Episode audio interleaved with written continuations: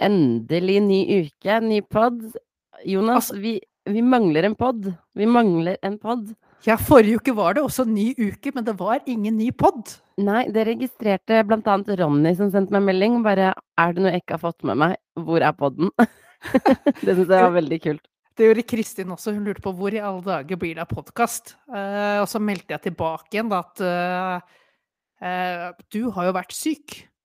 Du har Ja. ikke hatt stemme, rett og slett. Jeg har rett og slett ikke hatt stemme, og det er litt dumt da når hele inntekten min nå hviler på en podcast som krever en stemme. Og- Og det, det skal sies da at Kristin eh, Jeg tipper hun hadde litt sympati for deg, men hun var mer opptatt av å uttrykke at eh, Hun regnet med at uh, din kjære mann uh, syntes dette var ganske behagelig. Sa Min Min ja, kjære mann uh, har ikke vært hjemme hele uka. Han dro på hytta, for jeg tror han var litt lei. Litt lei av sutring og klaging og, og hosting og bare Nei, nei, han dro på hytta, så han hadde det veldig fint. han stakk av mens du lå med det som for en kvinne må være det tilsvarende en manflu, for du har vært slått ut i drøyt en uke, altså. Jeg har vært, eh, altså, jeg har vært ordentlig slått ut i en ukes tid, ja. Det er helt riktig. Og det, det Jeg kan ikke huske å ha vært så syk så lenge. Vanligvis er det sånn par dager worst case, på en måte. Men nå har det, det stått på. Og så var det litt sånn Det som var så rart med det, og grunnen til at det ikke ble noe pod, eller egentlig en vikar, var fordi jeg kunne våkne en dag og tenke å, jeg er bedre. Og så gikk det noen timer, og så bare falt jeg helt ned igjen. Og så plutselig var jeg litt bedre igjen. Og sånn holdt det på hele tiden. Så vi, vi tenkte hele tiden sånn Men vi rekker kanskje å spille inn. Jeg kommer sikkert til å bli bedre innen da. Jeg blir sikkert bedre. Og så plutselig var det for seint. Ja, det har nesten gått en uke du er på vei oppover, og så bare bam, nei, da ble du enda verre igjen. Men kritikk til oss, Jonas. fordi jeg tenker neste gang eh, noe sånt skjer, så tenker jeg da, da kan jo um, f.eks. du, da, eller den som er gjenværende, eh, logge seg på og spille inn en episode om hvorfor vi ikke har episode. Det, jeg vurderte å legge ut sånn forvirringa. Jeg vurderte å legge ut en liten snutt, og så bare kom jeg aldri dit. Men eh, det gjør Nei. vi neste gang. Og jeg lanserte en liten teori gjennom uka, Irma, da jeg begynte å lure på blir du noen gang frisk i det hele tatt. Så lanserte jeg en teori om at kanskje vi mennesker har fått et visst antall ord utdelt i hele livet vårt. Og at du, eh, som kanskje liker å skravle ørlite grann mer enn uh, Ola Nordmann, uh, at du kanskje har brukt opp kvota di allerede. Så jeg vurderte vel å sende en sånn her hasteoverføring av ord, for jeg kommer aldri til å få brukt opp min kvote, selv med denne podkasten Nei. rullende og gående. Nei, nei, det er sannsynligvis riktig, for det er to ting du bare ikke kan ta fra meg, som gjør livet mitt eh, fryktelig. Det ene er jo stemmen min, åpenbart. Nummer to søvn. Og begge de to tingene ble fratatt fra meg forrige uke. Og det var altså Det var så fælt. Aldri følt Jeg tenkte sånn Hva hvis jeg må ringe 113, da? Hva gjør jeg da? Kan jeg SMS ha Kan jeg kjøre? Morse code på liksom telefonen? Altså, jeg vet ikke, kan de Morse code? 113? Tok du og googlet eh, 'kan man SMS-e 113'? Kan jeg få lov å chatte med noen som, som driver med helse, vær så snill? Men apropos det, det må jeg bare få sagt. Når du nå er syk, ikke sant. Nå, nå er det veldig lenge siden jeg har vært skikkelig syk, så jeg har liksom glemt litt rutiner på dette her. Eh, nå av covid og alt det der, så er det sånn at når du er så synlig syk som det jeg var, da, eh, så får du ikke lov å dra inn til legen. Eh, det står på hjemmesidene til fastlegene. Du er for du er syk for å dra til legen. Ja, du får, du får ikke dra til legen hvis du er syk. hvis du har symptomer. Og da ble jeg sånn, ok, men hvis jeg ikke kan dra til legen, hva gjør jeg da? Nei, da tar jeg sånn der videokonsultasjon, ikke sant? Og så tar jeg videokonsultasjon, og så er jeg sånn, nå er jeg så dårlig, jeg sover ikke, jeg har mistet stemmen, det her, this is it, liksom. Nå må noen gjøre noe, jeg må ha noe. Bare gi meg noe, liksom. Og så sier hun, ja, nei, det er sånn virus som går rundt nå, eh, det gjelder egentlig bare å slappe av litt. Og det var det. Det var liksom, det var videokonsultasjon. fordi nå driver disse legene og slipper så billig unna. Nå trenger de fanken ikke gjøre jobben sin engang. Det, det kan jo til og med jeg gjøre. Jeg kan jo sitte på andre siden og bare si sånn Legg det under dyna, bare slapp av litt. Altså, jeg ble så sint når man er så syk og så dårlig, og det eneste stedet man kan søke hjelp, får man bare sånn Nei, du får ingenting. Så jeg var sånn Men kan du i hvert fall skrive ut en hostesaft til meg, liksom? Så hørte jeg ikke Noe? noe mer. Men du er vel for syk til å kunne dra på apoteket? Du er for syk til å kunne få noe levert på døra? Du er Ja. for syk for samfunnet? Men der har mine kjære venner som svært fantastiske. Dere har jo vært på døra mi, både du og et par andre, og lagt fra dere ting. Jeg har fått meldinger. 'Trenger du noe i butikken?'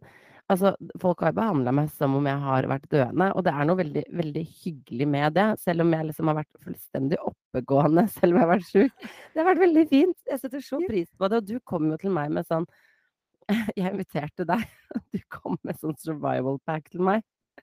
Jeg kom med survival pack. Ja, det, men det er det jeg tenker at når man er syk, selv om man ikke nødvendigvis Altså, man vil jo bare være alene, alt det, men det kan være en sånn ensom følelse å være syk. Det er kjempeensomt. Det er Og så sitter du og venter bare på å bli frisk, og det er ingenting du kan gjøre med saken. Du bare venter på at kroppen leger seg selv. Det er en Ja. sånn håpløs feeling. Og Så så får du egentlig ikke lov å gå omsorg. ut, ikke sant. Du kan ikke kjøpe mat til deg selv, du kan ikke gjøre noen ting. Så jeg har jo bestilt litt på døra. Dere, noen av de- dere venner har levert litt. Jeg har måttet sende folk på apoteket for meg, for jeg kan jo ikke gå rundt og, haste og, hoste og harke som jeg har gjort, foran folk i disse dager.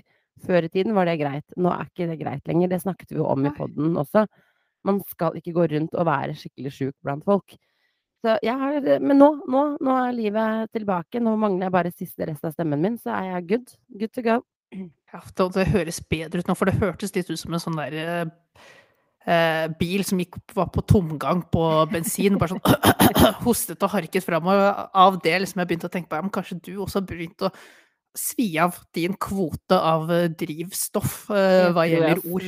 Min kvote er brukt opp før jeg fylte 15, tror jeg. Min ordkvote. Og der, der er det jo igjen godt å ha et, et eh, solid pensjonsfond i meg, eh, som Ja. kan overføre litt ord. eh, sånn at nå har du litt mer å gå på. Bruk smart. Jeg starter litt på nytt. Yes. Uh, har det skjedd noe spennende denne uka her, Jonas? Jeg, åpenbart ikke ingenting hos meg. Uh, så har det skjedd noe? Har vi fått noe feedback? Har det vært noe? Vi har åpenbart ikke heller hatt en uh, pod-episode å feedbacke på, men bortsett fra disse etterspørslene. Har det Nei, men, men jeg har blitt inspirert av deg, Irma. Oi! Inspirert av forrige podkasten vår, for da var det jo en real kaktusfest. Det var ikke måte på hvor mange kaktuser som gikk ut i posten fra deg. Det er kanskje derfor jeg ble syk. Det ble sånn karma. Nå har du, nå du sendt ut kaktuser, nå skal du fanke meg få tilbake igjen. Jeg, Svære. håp, jeg håper ikke det, for jeg har tatt grep selv, Irma. Eh, bare at jeg har valgt eh, å gjøre det litt annerledes enn deg. For der du sendte ut kaktuser i hytt og gevær, så jeg kjøpte inn én. Jeg kjøpte inn den største kaktusen jeg kunne finne. Oi. Og den skal gikk gi på ut? jeg gikk, Den skal jeg gi ut. Uh, jeg må bare Altså, den kaktusen her er et beist av en kaktus. Mhm. 75 cm svær. Og bare hør navnet. Vortemelk Ingens. Høyde 75 cm. Altså, du hører at dette her er en mannevond uh, kaktus. Så den har jeg skaffet, og jeg skal fortelle eh, hvordan den skal deles ut. For jeg skal angripe et konsept i Jeg er usikker på om det er den norske kultur, eller om det er internasjonal kultur også. Eh, I hvert fall et konsept som jeg denne uka her har funnet ut at jeg hater. Oi! Og hater du at du hater? Det er spennende. Det er spennende, og det er sterkt. Og konseptet, Irma, Ja. er vinlotteri. Oi! Det kan ikke jeg forstå at du har en eneste grunn i verden til å hate. Det er god start. Og så begynte jeg liksom, jeg begynte der at ok, men jeg er jo ingen stor vindrikker. Men du kan jo gi til meg og gjøre meg glad når du vinner vin. Ja, men det er litt sånn her, jeg forstår at hvis ikke du er glad i penger, så spiller du ikke lotto. Hvis ikke du er glad i kake, så er du ikke med på kakelotteri. Hvis ikke du er glad i vin, så er, kaster du deg ikke førstemann over et vinlotteri.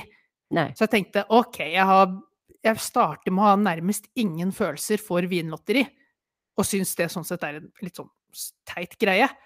Mhm. Men så pleier jo du å skryte av at jeg har en egenskap med å sette meg inn i andres yeah. posisjon. Se yeah. ting fra andres vinkler. Og så tenkte jeg ok, men Jonas, her må du ta deg sammen. Du må se dette fra en, et annen persons perspektiv.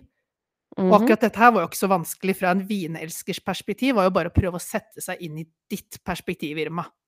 Ok, ja, du tok meg som utgangspunkt. ja, så jeg prøvde å vin. tenke ok, men la oss se vinlotteri fra Irmas øyne. Så la oss Mhm. se om vi da finner en positiv glede rundt dette her. Mhm. Og det var først da jeg ble sur og gretten. Oi! Det var først da jeg begynte å hate vinlotteri. Fordi Fordi dette her er greia med Vinlotteri, Irma. Eh, jeg skal ikke gå for mye inn på de tekniske, matematiske detaljene av det jeg Nei, skal snakke takk. om nå. så For det, ja. Ikke ødelegg vinlotteri for meg. Da kan dere høre min tredje podkast, Jonas og matematikeren, en familiepodkast av De Lindstrøms. Eh, der går vi mer. Men det som er, er at man samler jo inn penger, og så Mm, bruker man alle disse pengene til å kjøpe vin for, som man lodder ut. korrekt.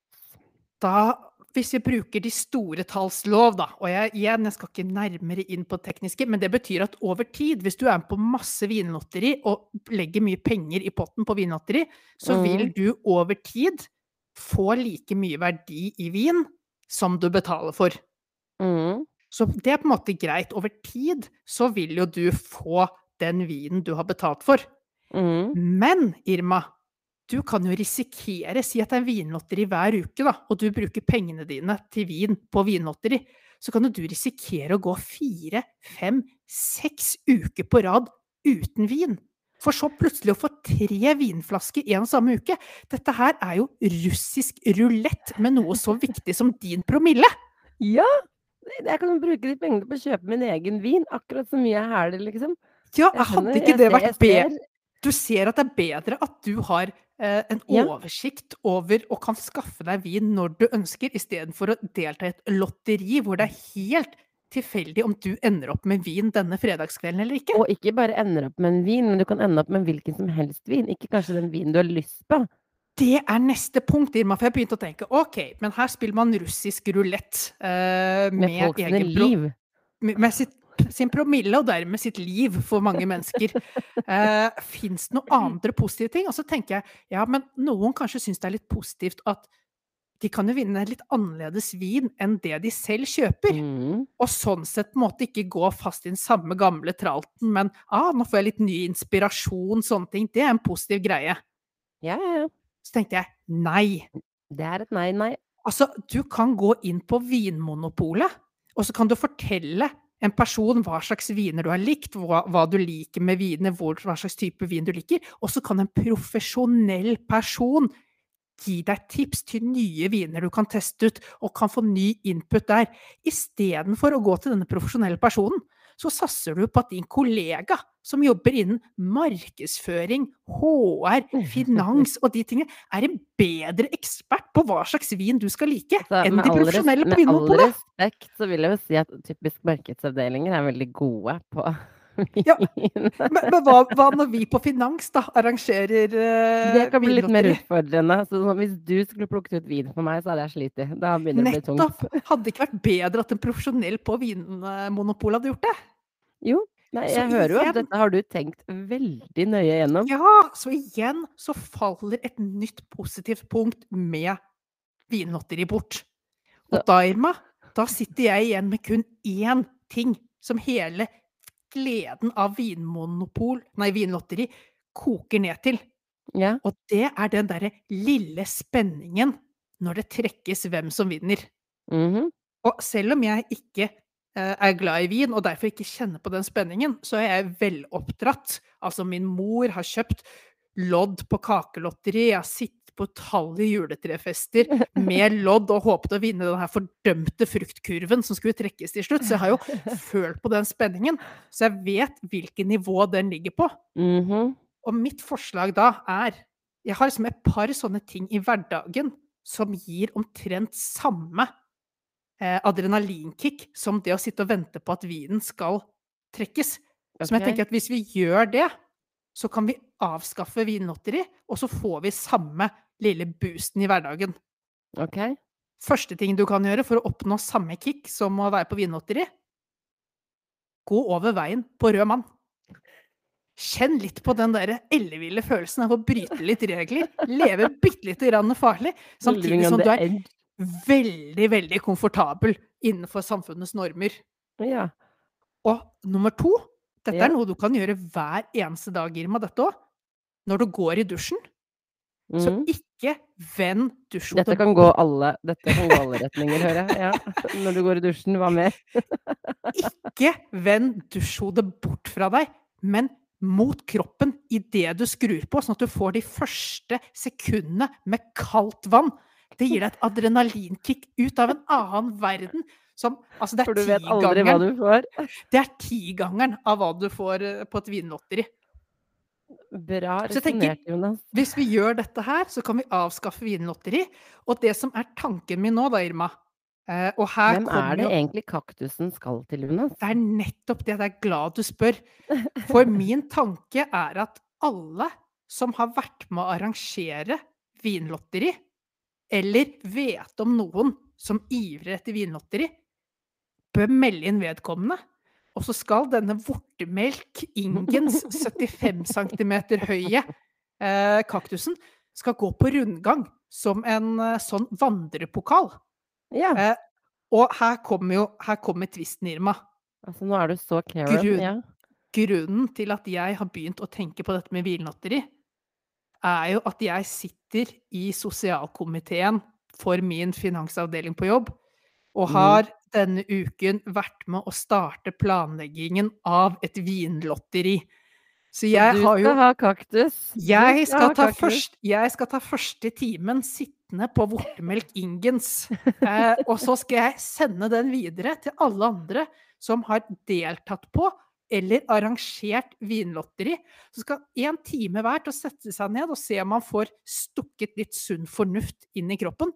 Eh, og så går den rundt som en vandrepokal. Og jeg tenker at den her, kommer til å være på reise i flere Lenge. år innen vi har eh, nådd gjennom alle. Men alle som nå deltar på eller arrangerer vinlotteri, kan se fram til å sette seg ned på den her djevelkaktusen. Ok, jeg har et par kommentarer til resonnementet ditt. Nummer én. Dette høres ut som du har tenkt veldig, veldig, veldig mye på. Du har brukt mye hjernekapasitet på dette resonnementet. Overraskende kanskje, Noen vil kanskje si for mye. Noen ville sagt det. Eh, nummer to. Du fremstår altså som en Karen.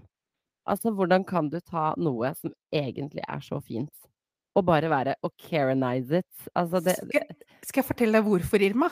Fordi det er nettopp dette her. Det blir framstilt som så positivt. Men egentlig så er det bare en lekkasje av samfunnsgode.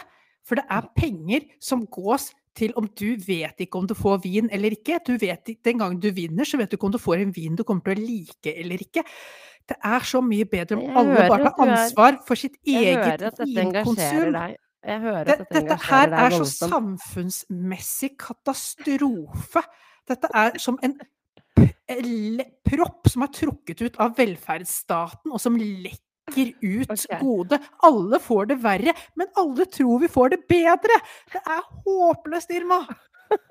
Altså, jeg hører det at du ikke har tilbrakt en hel uke med meg, sånn at jeg får liksom dempa litt denne refleksjonsmuskelen du har. Eh,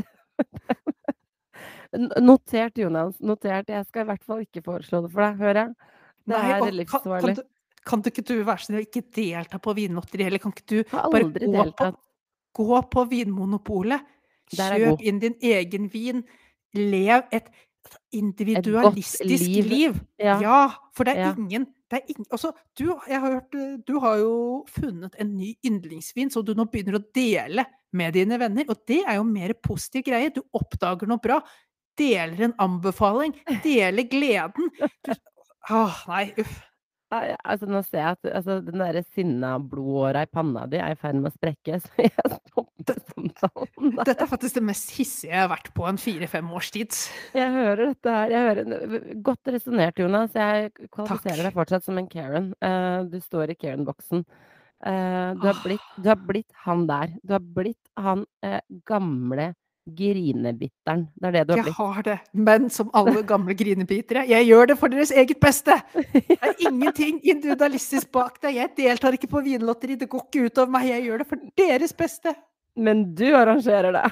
Jeg arrangerer det, og da må jeg også delta. Så akkurat denne uka her, så er jeg med på galskapen. Etter det så setter jeg ned foten. Ok, notert. Takk for, takk for innspill. Åh, godt, godt sagt. Vi skal videre i programmet. Ja, Ja. Uh, og vi skal videre i programmet, Irma. Og det blir jo ikke Vi må fortsatt holde tak i Altså, snakk om å leve i fortiden, men det er jo virkelig det vi må gjøre når uh, du, som er den livsglade personen som pleier å oppleve nye ting, ikke har opplevd noe som helst på to uker. Da Ja. må vi jo leve i, uh, i fortiden. Og nå skal jeg inn på noe som skjedde for to uker siden, Irma. I okay. forrige episode. Eh, Ja. Vi snakket om Det dukket opp fordi det var en nyhet mm. eh, om en prest som var vikar. Vedkommende eh, risikerte å få sparken fra vikarjobben fordi han nektet å samarbeide med andre kvinnelige prester. Og så Korrekt. fant jeg ut denne uka, Irma, Ja. nå har han fått seg ny jobb! Han mistet Oi. den vikarprestjobben, men han har fått seg en ny jobb nede på Har noen ansatt han? Er det et Noen sted som ikke har noen kvinnelige ansatte prester, da, kanskje? Ja, det må jo være Altså, det er jo nede Hvem er det som har ansatt denne mannen, da? Å, det her var noe sånn eh, Var det Luthers ortodoks eh, miljø, da, nede på Sørlandet? Nede på Sørlandet, ja. ja. Ikke sant? I Ja. my case. Så, så Men det som var greia, da, at nå må vi komme oss tilbake igjen på sporet, var at vi snakket jo derfor om eh, Bibel og alt. Og så hadde vi fått en opplæring av eh, vår gode venn Cecilie om hvordan en Mhm. bibel var bygd opp. Det er snakk om bøker, kap, eh, kapitler og vers. Og da, Irma, spinner du veldig videre på dette her med vers. La oss eh, bare ta et litt kort gjenhør med hva som skjedde for to uker siden. Men er Bibelen bygd opp som sang? Det er jo spørsmålet, siden vi har et vers. Ja, refrenget er jo sånn 'du skal ikke drepe', 'du skal ikke drepe', og så kommer det mye vers derimellom. Ja, og så kommer det Og så kommer liksom, igjen, men du kan drepe'. drepe. Men du kan drepe litt, ja, og så må du ikke drepe så mye. ikke så mye. Vend, og hvis noen dreper deg litt, vend det andre kinnet til. Du, nå skal jeg gi deg en utfordring. Kan du lage en oppbygd bibelsang? Med liksom Sånn som jeg, du tolker det her vi sitter her nå. Det syns jeg er fint at du skal gjøre. Jeg lager det til neste uke, da. Ja, med refreng og vers. Fordi åpenbart så er jo Bibelen lagt opp til som låter. Eh, nei, det er kanskje Er det det de synger i kirka? Er det derfor man Altså, synger i kirka? Ja, men Fordi Bibelen ikke er egentlig en lang sang? Nei. Det kan Nei. jeg svare nei på. Ok. Nei, Men- nei ikke vet jeg. Men eh, jeg kan lage en tekst rundt, eh, rundt Bibelen og det til neste gang. Så, får du, så, får du, så får du stå på for melodi og fremførelsen av låta, men jeg kan stå for teksten. Yes. Ja, det er godt resonnement der. God, god gjennomgang av hva som er hva. Ja, og, det, og her ble det jo her ble det jo framført en liten utfordring fra din side, Irma. Og det, Ja, og det var vel kanskje ikke ment som en utfordring jeg skulle plukke opp hansken på? nei, men det har du gjort. Eh, fordi i går, eh, i helgen, som det også var, så skjedde det noe. Du kalte meg inn til hasteinnspilling. Eh, jeg tenker vi bare snurrer film, jeg. Hvilken dag er det i dag, Irma? En søndag. Men vi pleier jo ikke å spille inn podkast på søndager, det pleier vi å gjøre på mandager. Ja, mandag, da. Er det, det Ja, ja det, er det, vi, det er det vi pleier, men nå sitter Ja. vi her på en søndag. Det gjør vi det- Og det er jo jeg, fordi jeg liksom har trukket deg inn i studio, og du er bitte litt nysgjerrig på hvorfor. Ja, du har en plan, og jeg elsker når du har en plan, men det stresser meg litt også. Denne gangen her er jeg usikker på hvor mye du kommer til å elske planen min. Uh, Ok. men eh, For du mottok en litt merkelig SMS fra meg i uka som gikk, gjorde du ikke det? Um, Jeg jo, jeg jeg- har fått flere merkelige SMS-er av deg. Ja, jeg sendte en hvor jeg skrev 'Hvor villig er du til å by på deg selv på podden?' På en Stemmer det. skala fra 1 til 10, bruk Ja. gjerne én desimal. Ja, stemmer det. Og du svarte nja, hva skal vi si, 8,5? Og det tenkte jeg, det er jo en høy score. Det er høyt. Jeg pleier, det- pleier jo å by på meg selv, så jeg skjønner ikke, jeg skjønner ikke hva dette her er. Absolutt. Og det, det, den innstillingen trenger vi nå. For, for dette her husker du garantert ikke, Irma. Eh, for du er jo av denne veldig impulsive typen. Som jeg begynner jeg liksom Noen ganger så bare Hun slenger ut ting og tang. Hvordan i alle dager kan hun leve med å ha foreslått disse greiene? Og så bare ah, det er fordi hun har ikke hukommelse, og hun følger ikke opp. Hun regner med at en del av de tingene hun bare plaffer ut høyt, eh, bare sklir forbi. Og så, så har du meg, da, som noen ganger liker å plukke opp på disse ville ideene dine. og gjøre litt mer ut av det. OK, har du plukket opp en gammel idé? Ja, for to? Da vi spilte inn podkast her sist, da, for to uker siden, så uh, hadde vi jo fått et lite Cecilie hadde jo belært oss litt grann om hvordan Bibelen er bygd opp. Ja. At det liksom er bøker, kapitler, og så er det vers. Og da begynte du å spille videre på vers. Altså, er dette som en sang, liksom? Bla, bla, bla. Og så slenger du ut på slutten, som du sikkert ikke husker. Ja, men Jonas, da utfordrer jeg deg til å skrive en sang om Bibelen. Ja. Eh, med masse vers. Og så slenger jeg ballen tilbake. Ja, men så flott, da ser jeg fram til at du skal fremføre den, Irma. Nei. Og jeg, jeg har spint litt grann videre på her, og jeg har eh, kommet opp med et konsept. Jaha? Og hvis du, jeg tenker hvis du åpner den mailen jeg har sendt deg nå, Irma, og så kan du lese bare det første avsnittet der høyt for alle lytterne våre, for da tror jeg kanskje du og lytterne får en idé om hva konseptet går ut på. Det her er det dummeste jeg har sett. Skal jeg lese første Les første avsnitt. Hele Now- første avsnitt. Okay. Now this is a story all about how my life flipped history upside down. I'll I'll like to take a minute, just sit right here. There, I tell you how I become how I became known as the son of God up in here. Altså, kjenner du, Eh. skjønner du hvor vi skal her, Irma? Jeg skjønner hvor vi skal. I hodet mitt så spiller jo den sangen av gårde nå. For dette her, det jeg tenkte her, av en eller annen merkelig grunn, så skjønte jeg skjønner ikke hvordan jeg kom inn på dette her, men jeg tenkte vi snakket jo om at Bibelen var en bok av vers, og så skal man lage en sang ut av det, og så bare Hm, men det er jo ikke noe refreng. Og så, av en eller annen merkelig grunn, så kom jeg på at aha, Fresh Prince of Bel-Air-sangen, som gjorde Will Smith populær på 90-tallet, den har jo ikke noe refreng. Det er jo bare en haug med vers, og så er det liksom litt melodi som spiller av eh, mellom versene. Og da tenkte jeg det må jo være perfekt for en bibelsang, hvis jeg tar utgangspunkt, altså bytter ut Will Smith, som forteller sin historie om hvordan han ble flyttet fra Philadelphia til å bli The Fresh Prince of Bel-Air. Så tenker jeg, la oss heller sette oss i Jesus sine sko, og så forteller vi historien om Jesus, og litt grann rundt Bibelen. Og så er det perfekt at du har frivillig sagt at du skal fremføre dette her. Så jeg tenker, Derfor, derfor tenkte jeg at du kanskje trengte en dag, eller i hvert fall noen timer med forberedelse på hvordan du skal framføre dette her. I å få mest mulig flyt i rappen. For jeg, er, eh, jeg har skrevet teksten, men jeg er ikke en tekstforfatter til musikk, så det, du må nok jobbe litt for å få Eh. rytmen på dette her. Dette er vondt. Jeg kan jo ikke Altså, jeg har vært en uke med lungebetennelse, og så ber du meg Det første du ber meg gjøre på poden når jeg begynner å komme meg, er å synge, nærmest. Jeg skrev også i SMS-en at uh, jeg tror jeg kommer til å sette mer pris på at du har stemmen tilbake enn du gjør selv når vi setter i gang podkasten, og nå forstår du hvorfor.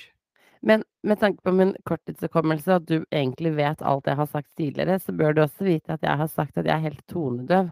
Ja, det vet jeg, så det er derfor jeg legger jo ikke Jeg tror ikke dette blir bra. Altså, jeg kan ikke skrive tekst til musikk, og du har ikke Altså, du har en stemme, kanskje ikke tidenes stemme, og du er spent på hvordan rytme og melodi eh, henger sammen her. Men Å, jeg ser bare fram til at uh, lytterne våre nå straks skal få høre dette her framført. Ah, Det, altså, jeg skjønner ikke hvordan det her ble snudd over til meg. Jeg utfordra jo deg. Og jeg har, jeg har gjort min del av jobben. Jeg har skrevet en tekst som du helt åpenbart ser. Eh, lagt mitt arbeid i den. Ja, du har ikke, du har ikke skrevet en tekst. Den er jo dritlang. Ja, Mener ja. du at jeg skal fremføre alt dette her? Er det Altså, liksom Det er jo kjempemasse, og det er jo dritbra tekst. Jeg kan jo ikke ødelegge det med tonedøvhet og, og dårlig stemme og liksom everything in between.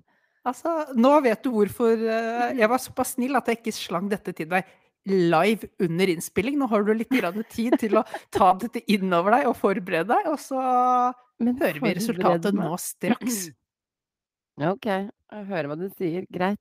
Jeg skal, jeg skal, jeg skal se se det an. Jeg skal eh, øve litt og se om det går i det hele tatt.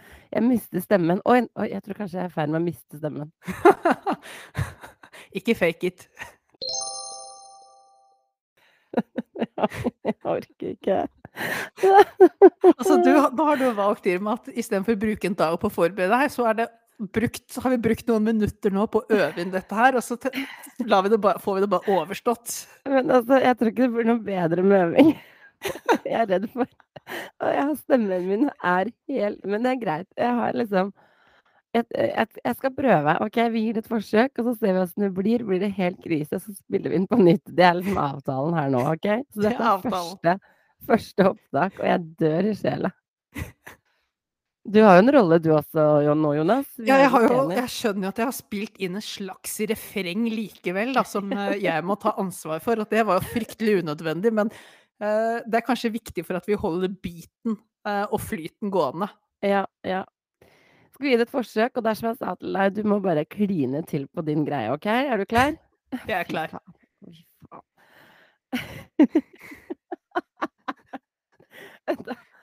Le fra deg, le fra deg. Du er artist nå, Irma. Du er artist. Nå går jeg inn i rollen. Nå går jeg inn i rollen. Gå Nå inn i skjer det. rollen.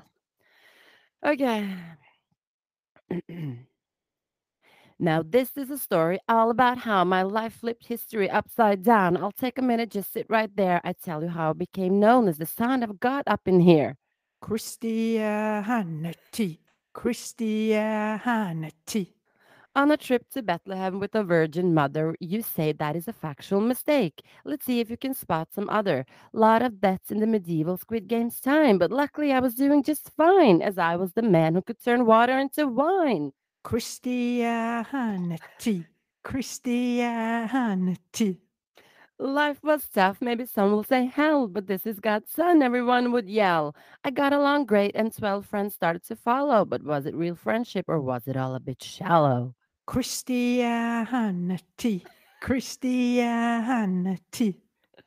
This one sketchy fella started acting funny. I gave everyone their last bread and wine. It was all so yummy. But the next thing I knew, Judas betrayed me, hanging from a cross for everyone to see. Is this really how a father's love should be?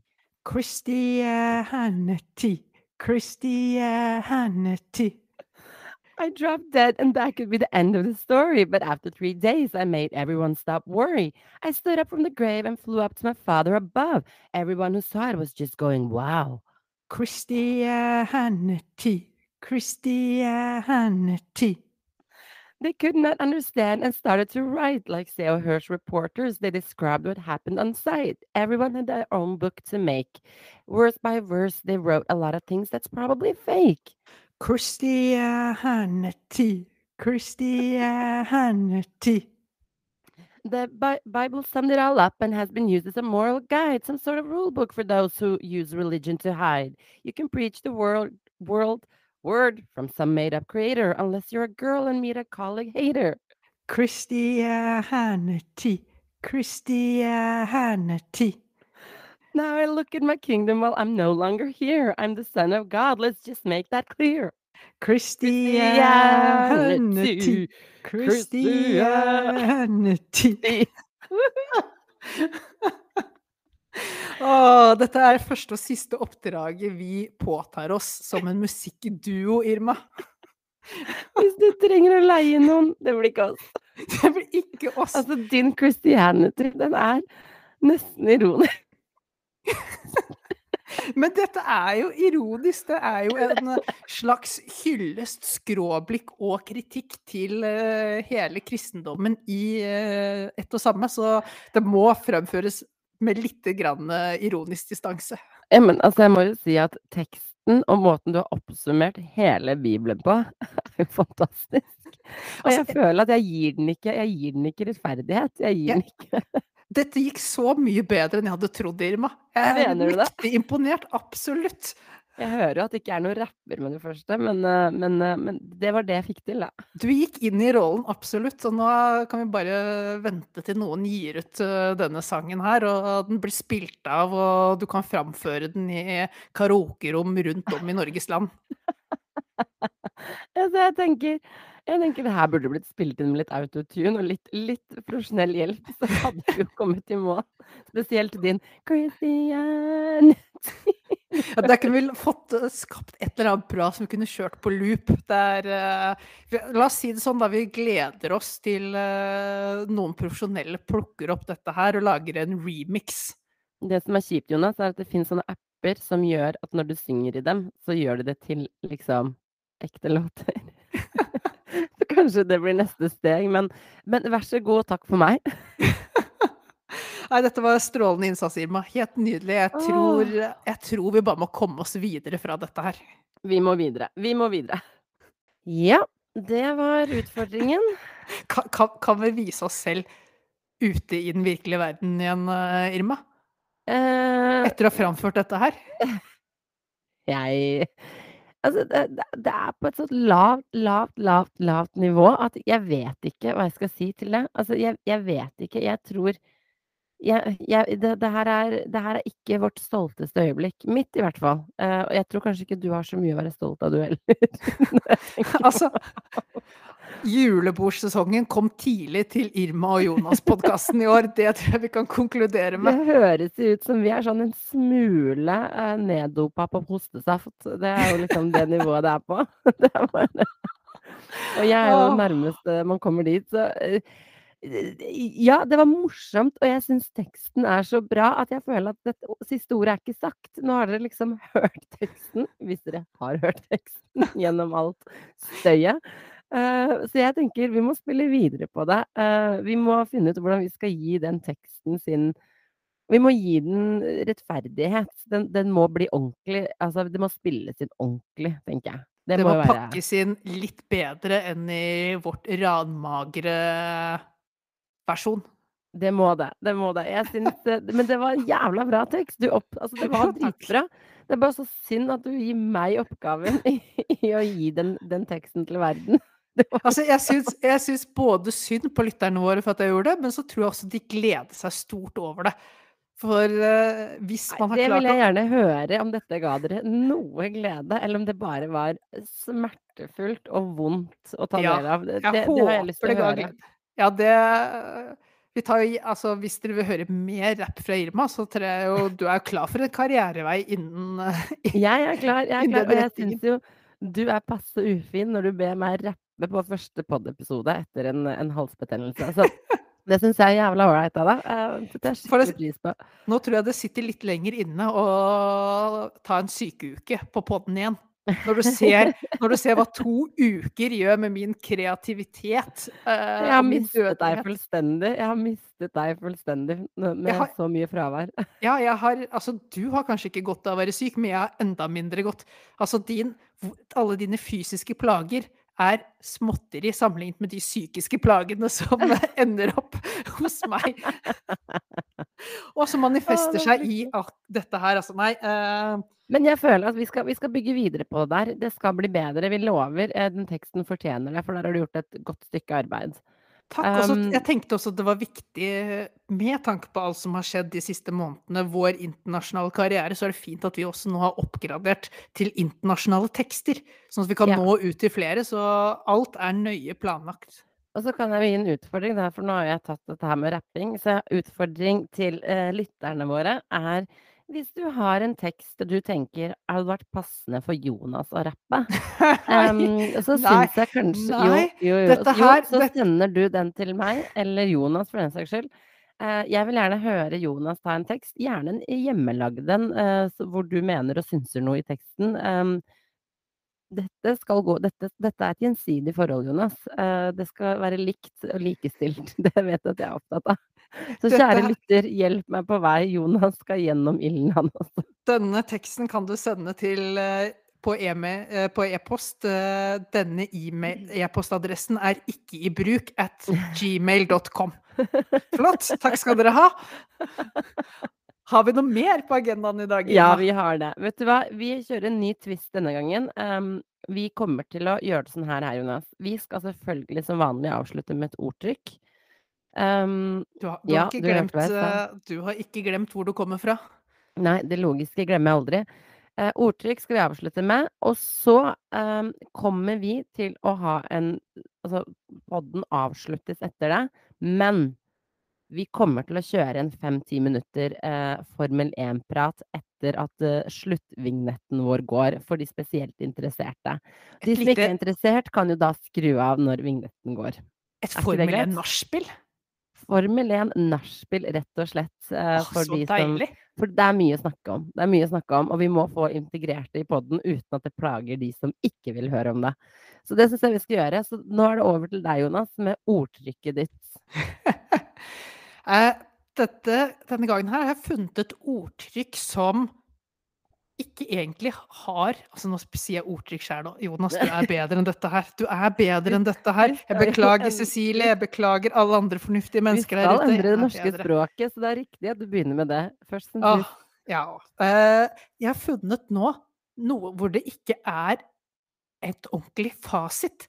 Men jeg ble så sjarmert av en av teoriene bak dette uttrykket her, at jeg måtte bare ta det med likevel. Ok. Og det er å snu på flisa. Oh, har vi ikke hatt den før? Nei, Har vi hatt å snu på flisa før? Jeg vet det- ikke, det husker sikkert Cecilie. Hun kan Ja, rette oss opp. det. kan fort være at vi har Men eh, jeg husker jo ikke det. Så hvis vi har hatt den før, så er det litt restart for meg, i hvert fall. Og hvis noen lyttere husker det, altså husker mer av hva som har skjedd i podkasten vår enn oss sjæl, da, da er det, det er, Altså, Anne Kjersti på jobben min Forresten, gratulerer med dagen som var. Hun hadde bursdag her Oi. eh, forrige helg. Gratulerer, gratulerer.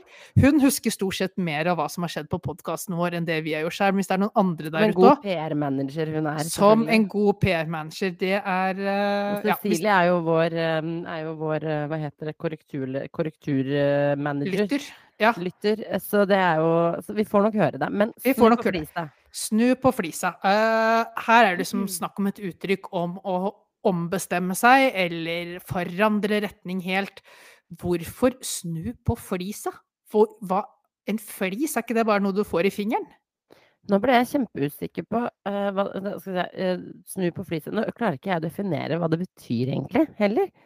Hva Ja, betyr det- der- Han snur på flisa, han endrer seg, han endrer mening. Ja, altså, jeg vet ikke. han kan mene han kan, Det betyr hvis man snur på flisa, kan være at du endrer mening som brått. Altså på et Plutselig, i det ene sekundet så tror du at han backer deg, og i det Mm. neste sekundet så snur han og vender seg helt imot deg og, Ja. og mener noe helt annet. Han har snudd på flisa. Du ser den ikke komme omtrent, denne forandringen. Men snakker vi da om en flis som vi kan få i fingeren, eller er det snakk om flis som i baderomsflis? Fordi jeg, jeg forstår ikke hvordan noen av de egentlig passer inn i ordtaket. Uh, snu på flisa, snu på flisa. Eller er det snakk om Flisa-stedet? Er det et sted i Norge som heter Flisa? Nei. N- Nå er du Hvilket sted tenker jeg på? Altså, er det nå, Flisa? ja, nå er du inne på er det et sted på som heter Flisa? Nå er du inne på så mye bra her. Men feil. Men, men du, nå fikk jeg kjempegjerne til. For- Er det et for- sted som heter Flisa, Jonas? Det er det, og det, oh, ja. det som er greia, er at det ikke bare er det sted som heter Flisa. Dette her er jo den søte teorien som jeg ønsker å bygge hele uttrykket på. Okay. Ikke bare er det et sted som heter Flisa, men det var også endestasjon på jernbanen i sin tid. Så alle togene snudde jo på Flisa. Ah, så jeg hadde rett, sånn delvis. Sånn delvis, men det Språkrådet tror ikke på at det er opprinnelsen. Nei, det, det, det er Språkrådet. Jeg har så mye å snakke om. Men, men de tror derimot på takfliser og sånne ting. Da, at det kan være der at man måtte snu på takfliser Og hvorfor skulle man snudd på takflis? fordi det ikke lå riktig, eller uh, her var det noe gærent, vi må snu på Men på det eneste logiske er toget som snur på flisa. Jeg Ja, kjøper den. Kan vi ikke slå det fast som det eh, en fast. forklaring? Ja, For det er ganske fin uten- forklaring. Jeg syns det. Jeg liker det veldig godt. Det, og det er, med, det er noe med hvordan på jernbanen ja. står i norsk historikk. At Ja. eh, den fortjener å ha fått et uttrykk Ja. etter seg. Og, og Flisa stedet, som jeg ser for meg Jeg tror ikke jeg har vært der, jeg kan ikke skjønne at jeg har vært der. Men jeg ser for meg at det er et veldig lite, veldig veldig lite sted hvor det bor ti mennesker. eh, Og dermed fortjener de også å bli satt på kartet. Så ja, snu på Flisa. Det er 100 tog... eh, Kart, kartverk, skal jeg si. Togverket. Eh, vi kjøper den. 1000 1712 innbyggere i Flisa har nå fått sier man i Flisa eller på Flisa? Eh, Snu på Flisa. Ja, det er i- snu på Flisa. Det er et tettsted og administrasjonssenter i Åsnes kommune i Solør i Innlandet. Jeg vet ikke om det er Jeg har ikke hørt om noen av de områdene. Det er første gang jeg hører de ordene der. Hva var det Det du sa er- det var? Hvor er det det var, sa du? Dette her er i Åsnes kommune, i. Solør, Ikke hørt om. i Innlandet. Innlandet må du ha hørt om. Det er Innlandet en av disse nye kommunene som, ja. som dukker opp. Ok, så det er et, eh, det er et eh, sånn søtt lite sted hvor toget snudde før i tiden. Vi kjøper den. Kaboom. Kaboom! Der, eh, Kaboom, der er der vi. satt den. Ja, det er litt nord for Kongsvinger. Mellom Kongsvinger og Elverum. Ja, Og de, har nå, de er nå satt på kartet gjennom at hver gang du snur på flisa, så er du i flisa. På har du flisa. flisa. På flisa. Nå er vi gode. Nå leverer vi. Altså, hvis ikke dette her går inn uh, i historiebøkene som en av de beste podkastepisodene noensinne, og et plaster på såret til lytterne våre for en uke manglende podkast, så skjønner jeg ingenting. Nei, jeg er enig. Helt enig. Og med det, kjære lyttere, så går vi og avslutter eh, sånn i gåsetegn episoden. Eh, Dere hører nå en sluttvignett for dere Formel 1-fans. Hør også etter vignetten.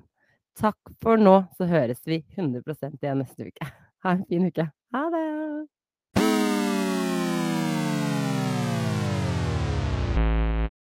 Yes, endelig kan vi snakke om Formel 1. Åh, så deilig. det er én ting jeg har fått med meg mens jeg har vært sjuk, det er Formel 1. Forrige ukes Formel 1. I Det USA. var et sjukt race. Vi må snakke i USA. Nummer én. Herregud, så stort alt skal være i USA. Det Altså, det, er jo et, det er jo et festival slash tivoli slash Altså messe slash Det var jo helt sjukt. tidenes største barbecue, der Ja. uh, alt er bare gjennomført amerikansk hele veien. 100%. Fullstendig galskap. Og Men det var parade! Parade, man før løpet. Og militærflyene var oppe og gikk. Så Ja, det er liksom, altså Og- klisjé amerikansk. Texas Mann som leverte. Mann som hopper ut i fallskjerm med et svært amerikansk flagg eh, festet Yes. til seg, lander ned på banen. Ja. Altså, Du- for en stemning, og så amerikansk som det kan bli. Samtidig så satt jeg der og tenkte sånn Jeg hadde blitt stressa av å være blant de menneskene, for de løper rundt med våpen og sammen. Jeg hadde blitt dritstressa. Ja, det er Så- derfor de kjører så forbanna fort, da. Det er jo 300 km i timen. Da er det vanskelig å skyte en person. Men det var dritgod stemning. Det var godt å se at, eh, at liksom man fikk den der stemninga tilbake igjen nå etter covid. Samtidig så er det litt rart at den stemninga er tilbake først og fremst i USA, for der er det jo fortsatt veldig alvorlig med covid. eh, Og veldig mange uvaksinerte.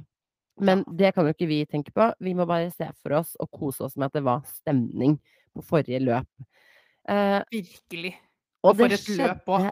Ja, fy Altså, men jeg vil beskrive dette løpet her, Irma, som dette var, hvis, det, hvis dette løpet her skulle vært en film, så hadde det Mhm. ikke vært en dramafilm med masse action hele veien, men det hadde vært en thriller.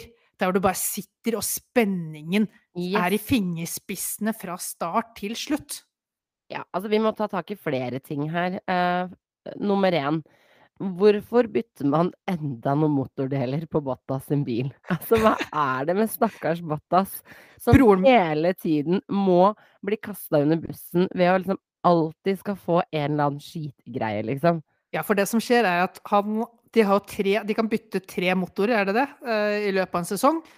Etter det så får du en straff. Altså du må starte flere plasseringer lenger bak enn det du egentlig kvalifiserte deg inn i. Yes. Tre Og stykker jo er det du har lov til. Han er nå Ja. på sin motor nummer seks. Ja, så han har starta bak i feltet mange ganger nå pga. de motorgreiene. Vil du høre, vil du Ja. høre min brors litt søte teori om hvorfor det er sånn? Hvorfor? For nå har Bottas kjørt denne Mercedesen i mange, mange år. Mm. eh, ligget i front hele tiden. Nå skal jo han ned eh, til et dårligere lag neste år. Må Mm. forvente å ligge mer midt i feltet, så broren hans mener at dette kanskje bare er Mercedes sin måte å forberede han på neste år.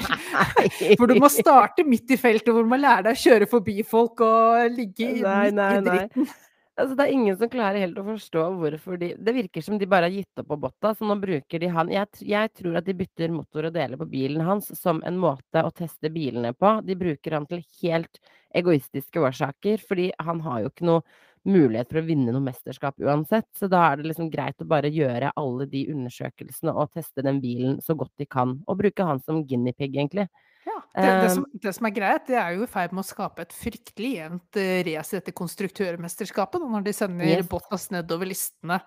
Og det er dumt. Så, men det er så mye Og her er det vi må diskutere. Fordi vi starter løpet, eh, eh, og da er det selvfølgelig Hamilton på andreplass og Verstappen første, som starter Og sånn.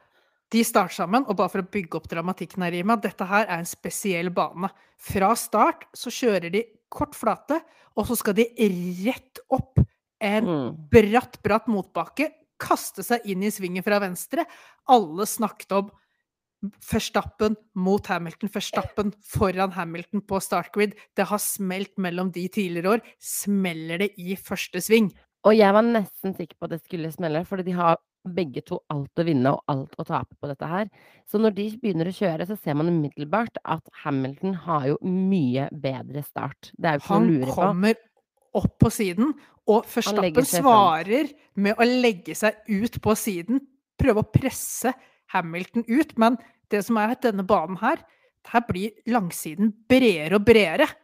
Eh, så han, klar, han presser nærmest Hamilton så langt han kan ut, men så åpner det seg mer og mer plass på venstresiden der Hamilton ligger, så han får jo fri bane til å fortsette å ikke bare komme opp på siden av Verstappen, men forbi. Ja, Yes! men de presser jo hverandre begge to på et viss, på viss måte ut. Eh, det blir kjempedramatisk allerede første minuttene. Sekundene, egentlig, for å kalle det det. Eh, men så eh, Vi kan jo selvfølgelig snakke om alle disse enkelthendelsene, men jeg har lyst til å løfte blikket litt når vi diskuterer eh, Red Bull og Mercedes. For jeg har jo sagt det hele tiden, jeg sliter jo med å velge hvem jeg egentlig heier på. Og så heier jeg egentlig på Lando Norris, men nå har han skuffa og skuffa og skuffa så mye de siste løpene, eh, etter at han eh, tapte det løpet for noen eh, helger er no- Det er nå han trenger din kjærlighet mer enn noen gang, Irma. Ja, men det er så han han er så vanskelig å elske akkurat nå. Um, han gjør det så dårlig, så jeg blir litt sånn kutt ut. Da, og Finn tilbake til den derre luringen som bare sveiva forbi alle og la seg i front. Men det har han ikke fått til nå. Eh, Jeg tror han sliter. Eh, Jeg tror han har mista litt av selvtilliten etter at han kødda til det dekkstrategien sin eh, for noen uker tilbake.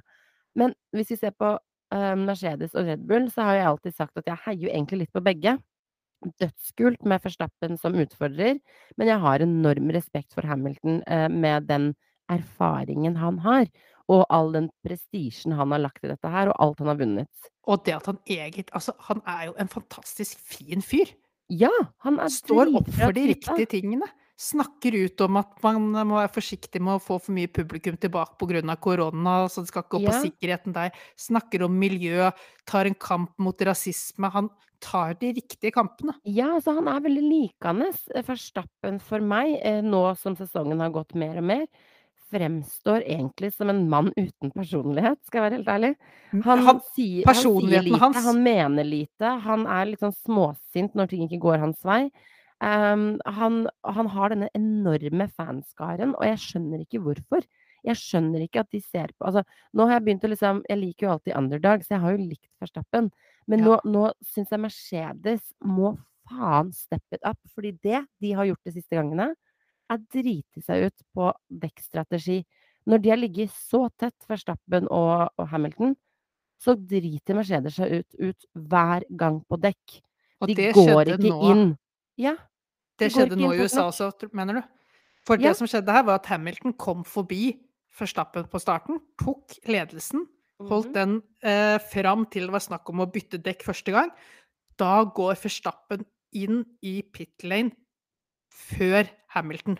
Og Mm. istedenfor å svare, dra Hamilton inn i pit runden etter, smekk på nye dekk, satse på at det går fort, komme seg ut foran Mm. Verstappen, så begynner de å legge han ut der runde etter runde etter runde. Han Mm. taper tid mot Forstappen, og innen han har byttet dekk første gang, så er han plutselig en seks-sju sekunder bak Verstappen. Og da er det for seint. Løpet var kjørt allerede der. De hadde ingenting å hente inn.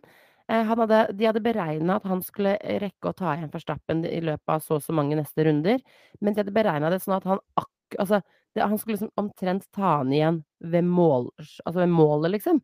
Og så ble jeg sånn Dere må jo gi han noen marginer, noen ekstra runder, til å kunne ta han igjen. Ikke beregn ting på håret hver gang. Og det har de gjort nå hver eneste gang Hamilton har tapt mot Verstappen. De har feilberegna den dekkstrategien, sånn at de har ingen marginer å gå på.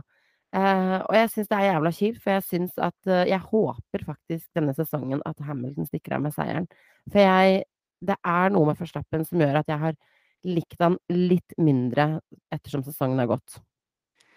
Og, Det må jeg bare det, si. Ja, og det, det er enig. Han, som du sier, han har jo 0 personlighet, men 100% konkurranseinstinkt. Det er jo det eneste Yes. man vet om uh, den fyren, nærmest. Og så Det som var så spennende her, da, var jo nettopp som du sier, at selv om de gikk inn De byttet dekk like mange ganger, to ganger begge to. De byttet i samme type dekk. Så var det jo Mhm. det at Mercedes valgte å kjøre de lange, eh, lange pass i starten, og så skulle de ha friskere dekk på slutten. Og så tok, tok Hamilton mye innpå, så satt man der bare Er det Verstappen som sparer dekk, som ikke pusher maks, eller pusher han maks og blir likevel tatt inn? Hva er det som skjer? Så som tilskuer da, og TV-titter så er det jo utrolig spennende at de velger å gjøre det eh, Mm. forskjellig. Og så er det tydelig at Mercedes de er lite grann på bakbeina, og de Mm. merker det så godt selv også. De, det virker som at de prøver å være litt smartere enn det de egentlig er. Og De er for smarte for sitt beste, egentlig. Ja, og, og da tror jeg blir det Hamilton gærent. får Jeg tror Hamilton får for mye makt. Du merker at de spør han hele tiden angående dekk, og han tar beslutninger basert på dekk. Her, tenker jeg at de har godt av å kjøre ytterligere mer teamplay. Eh, Hamilton må få instrukser. eh, de må gjøre bedre jobb bak kulissene. Eh, og han må sendes inn i langt bedre tidspunkter enn det han gjør per nå. Så det blir jækla spennende til helgen å se om de lærer av dette. For det har jeg tenkt flere ganger. Nå har de lært. Send han inn rett etter at Verstappen har vært inne. Har de lært? Nei. Det her er nå, jeg vet ikke, femte løpet noe tilsvarende skjer. Det, jeg det- forstår det ikke. At du hører det er frustrasjon på radioen. Eh, Hamilton og laget krangler nærmest på radioen under ritt, så jeg tror de må komme seg på offensiven. De må Ja. tørre liksom å ha en offensiv eh, strategi. Eh, Mm. For nå har, akkurat nå har Red Bull Mercedes akkurat der de ønsker det. Ja, de har det. Red Men- Bull ruler nå. En som ikke var der han ønsket i dette løpet, selv om han endte med en fantastisk tredjeplass, det er en mann vi bare må, må tenne et lite lys for, nærmest. Ja. Sergio Perez. Dette, vi snakker nesten 30 grader i lufta, over 30 grader nede på asfalten, glovarm dag, og drikkesystemet hans sitter- fungerer ikke. Ja, og han sitter i denne dressen som er som er lagd Altså, det er en branndress, nærmest. Flammesikker, alt. Ja, eh, som er glovarm, og en hjelm. Eh, og han sitter der, og allerede første runde av Hvor mange runder var det? 50, eller noe sånt? Ja. Så svikter drikkesystemet hans. Så han sitter der da i drøye to timer uten vann eh, i denne varmen. Så at eh, Og han sa jo det i etter, etterkant, at han har jo vært virkelig dårlig. Han eh, følte at han mista følelsen i hender. Han eh, Synet hans begynte. Mista styrken, synet hans begynte å gi etter. Så det at han kom på tredjeplass er, i den tilstanden der, viser jo hvor viktig det er for han å hele tiden være up there eh, og bevise seg. Fordi han sto jo nærmest uten jobb nesten før sesongen begynte. Ja. Det var Så det var utrolig. farlig. Han så jo som en rosin han, når han krabbet opp av den, uh, den bilen uh, Ja. etter løpet. Og så all mulig Altså, han ønsket nok veldig gjerne å være den personen som lå helt opptil Hamilton og Verstappen, som hadde gitt Red Bull enda et taktisk kort å spille på Mm. underveis i Mm. løpet. Det klarte han nok ikke helt, men jeg tror alle forstår laget også at den prestasjonen han gjorde med å holde tredjeplassen, egentlig aldri var truet der heller. Det Nei. var en prestasjon i seg selv, så han kom veldig positivt ut av det løpet, selv om han nok ikke fikk forutsetninger for å gjøre den jobben jeg tror han ønsket å gjøre. Yes. Jeg vil også snakke om en annen mann. eh, en veldig, et veldig merkelig løp for Alonso. Uh, Alonso Han liksom dulta og skviste ut folk og var forbi og måtte slippe forbi. Og de tok så mye merkelige beslutninger, fordi teamet på et tidspunkt så kjører han forbi en, Hvis jeg husker riktig, da. Jeg tror han kjørte forbi Raikonen Ja, etter å ha vært borti han og skviste han ut. Ja, det var jo Han hadde begge Alfa Taurinene der. Ja. Eh, Alfa Romeo, unnskyld. Eh, hadde han jo begge der, hadde han jo en fight med. Yes. Og så er det, det som er så fascinerende, er at han, han presser ut folk så, så mange ganger, at, og så kjører han forbi, at teamet til slutt tar det som en selvfølge at han må slippe dem tilbake igjen på plassen sin, for han kommer til å bli straffa for det. Ja. Og når de til og med da ber han slippe Kimmi forbi tilbake igjen, Så viser det seg at dommerne hadde jo ikke nødvendigvis krevd det. Nei, det, det gjorde de før det kom en Han slapp han jo bare helt unødvendig forbi tilbake på plass igjen. Så jeg bare Han var Altså, jeg kunne høre at han var svimlende forbanna i den bilen der, for han følte at uansett hva han gjorde, så fikk han straff. Det kokte noe så voldsomt under hjelmen eh, til Alonso. Og det, her snakker vi en av de mest rutinerte og sindige eh, førerne i hele sirkuset. Og det bare kokte over. Eh, og det var helt nydelig. Og det var Du bare venta på eh, Til slutt så var det bare sånn Hvis ikke én dommeravgjørelse går med Alonso snart, så Mhm. kommer han til å krasje ut alle sammen. Da kommer han til å si drit i dette her, og så bare krasje i alle han kommer over. Så til slutt så kom det jo én dommeravgjørelse i hans favør, og det var bare sånn Ho, OK, det var viktig for hele løpet. Det trengte vi faktisk nå. Ja, det var helt sjukt. Det var ikke et, det var ikke et heldig, heldig løp for han. Um, og sånn som det står nå, så er det da Forstappen som har flest poeng i mesterskapet. Lewis Hamilton tett bak. Det er ikke avgjort, det er fortsatt fire-fem løp igjen. Um, så Hamilton kan hente seg inn, men ikke med den prestasjonen som de holder på med nå i teamet. Valtteri Bottas er faktisk på tredjeplass, men det er et stykke ned fra Lewis Hamilton. Uh, og så er det Perez som har klatra seg opp, og min kjære Landon Norris på femteplass. Og til ære for Ronny så ligger jo da Ferrari på sjette og sjuendeplass rett bak. Men det er et stykke opp, så mm, det er et spennende race. Jeg tror det aldri har vært så spennende og så tett som det er mellom Verstappen og Hamilton nå. Og det gleder jeg meg til å følge videre.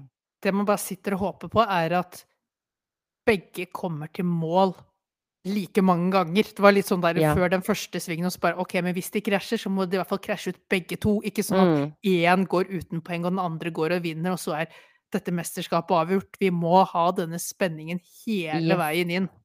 Vi må det, og det kan ikke bli et mesterskap som vinnes på flaks eh, eller uhell, eh, for den saks skyld. Så vi må, vi må se det. Og nå er det da til eh, helgen igjen løp i Mexico. Der tror jeg Perez er i sitt ess. Han har mye å bevise, og jeg tror han kommer til å gjøre det veldig bra hvis ikke han går på en Det er jo min favoritt. Åh, det Han blir og spennende. Norris. Ja, men hvorfor er Og litt Bottas. Hvorfor er, er Perez din favoritt? Det lurer jeg Det på. er, det er fordi, som du var inne på, han var i ferd med å miste jobben, som var helt, helt og holdent på grunn av at det kom inn noen med penger, ikke fordi han var en dårlig eh, racerfører. Eh, så han holdt på å miste jobben, selv om han var en av de beste i feltet. Så fikk han jobb i et av de beste lagene, så han fikk egentlig som fortjent, i en rolle hvor alle har mislykkes de siste årene. Så Ja. det, det hadde bare vært så flott historie, slutt på historien, om han lykkes i setet ved siden av Verstappen. Om han i hvert fall var nærmest likebyrdig med Bottas, da, som satt i det andre setet. Skapte Mm. to like sterke lag. Eh, få ekstra dynamikk der. Og eh, ikke minst at det faktisk går an å få en som er under Verstappen, men ikke så under Verstappen at han blir en vits. Ja. Så derfor heier jeg på han som bare det.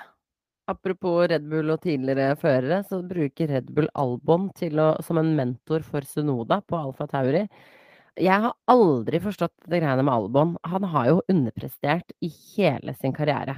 Hvorfor er han hele tiden aktuell inne i Formel 1, når han har egentlig bare gjort det dårlig? Jeg, jeg har aldri forstått dette, dette Albon-greiene.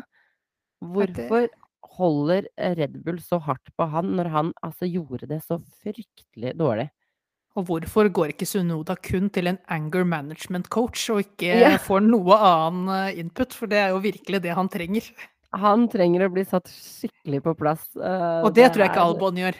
Det tror jeg Han er ikke ikke typen til å sette den på plass. Det burde vært en mer rutinert eh, fyr som bare Sånn gjør vi ikke. Nei, nei, på ingen måte. Her er det mye å ta tak i, i hvert fall. Jeg tror vi kjører denne type variant eh, andre ganger også. At vi etter podden eh, tar en Formel 1-runde. eh, fordi da vet vi at vi har med oss de som er ihugga fans videre. eh, og så blir det ikke så kjedelig for de andre. Og så sier vi at takk for nå og denne oppsummeringa. Hvis ikke du hadde noe mer på hjertet, Jonas? Jeg er ferdigsnakka. Jeg sparer på ordene jeg har igjen i kvota mi, sånn at jeg kan gi til deg hvis du begynner å hoste og harke igjen i framtiden. takk for det. Takk for det. Ha en fin uke. Vi snakkes neste uke.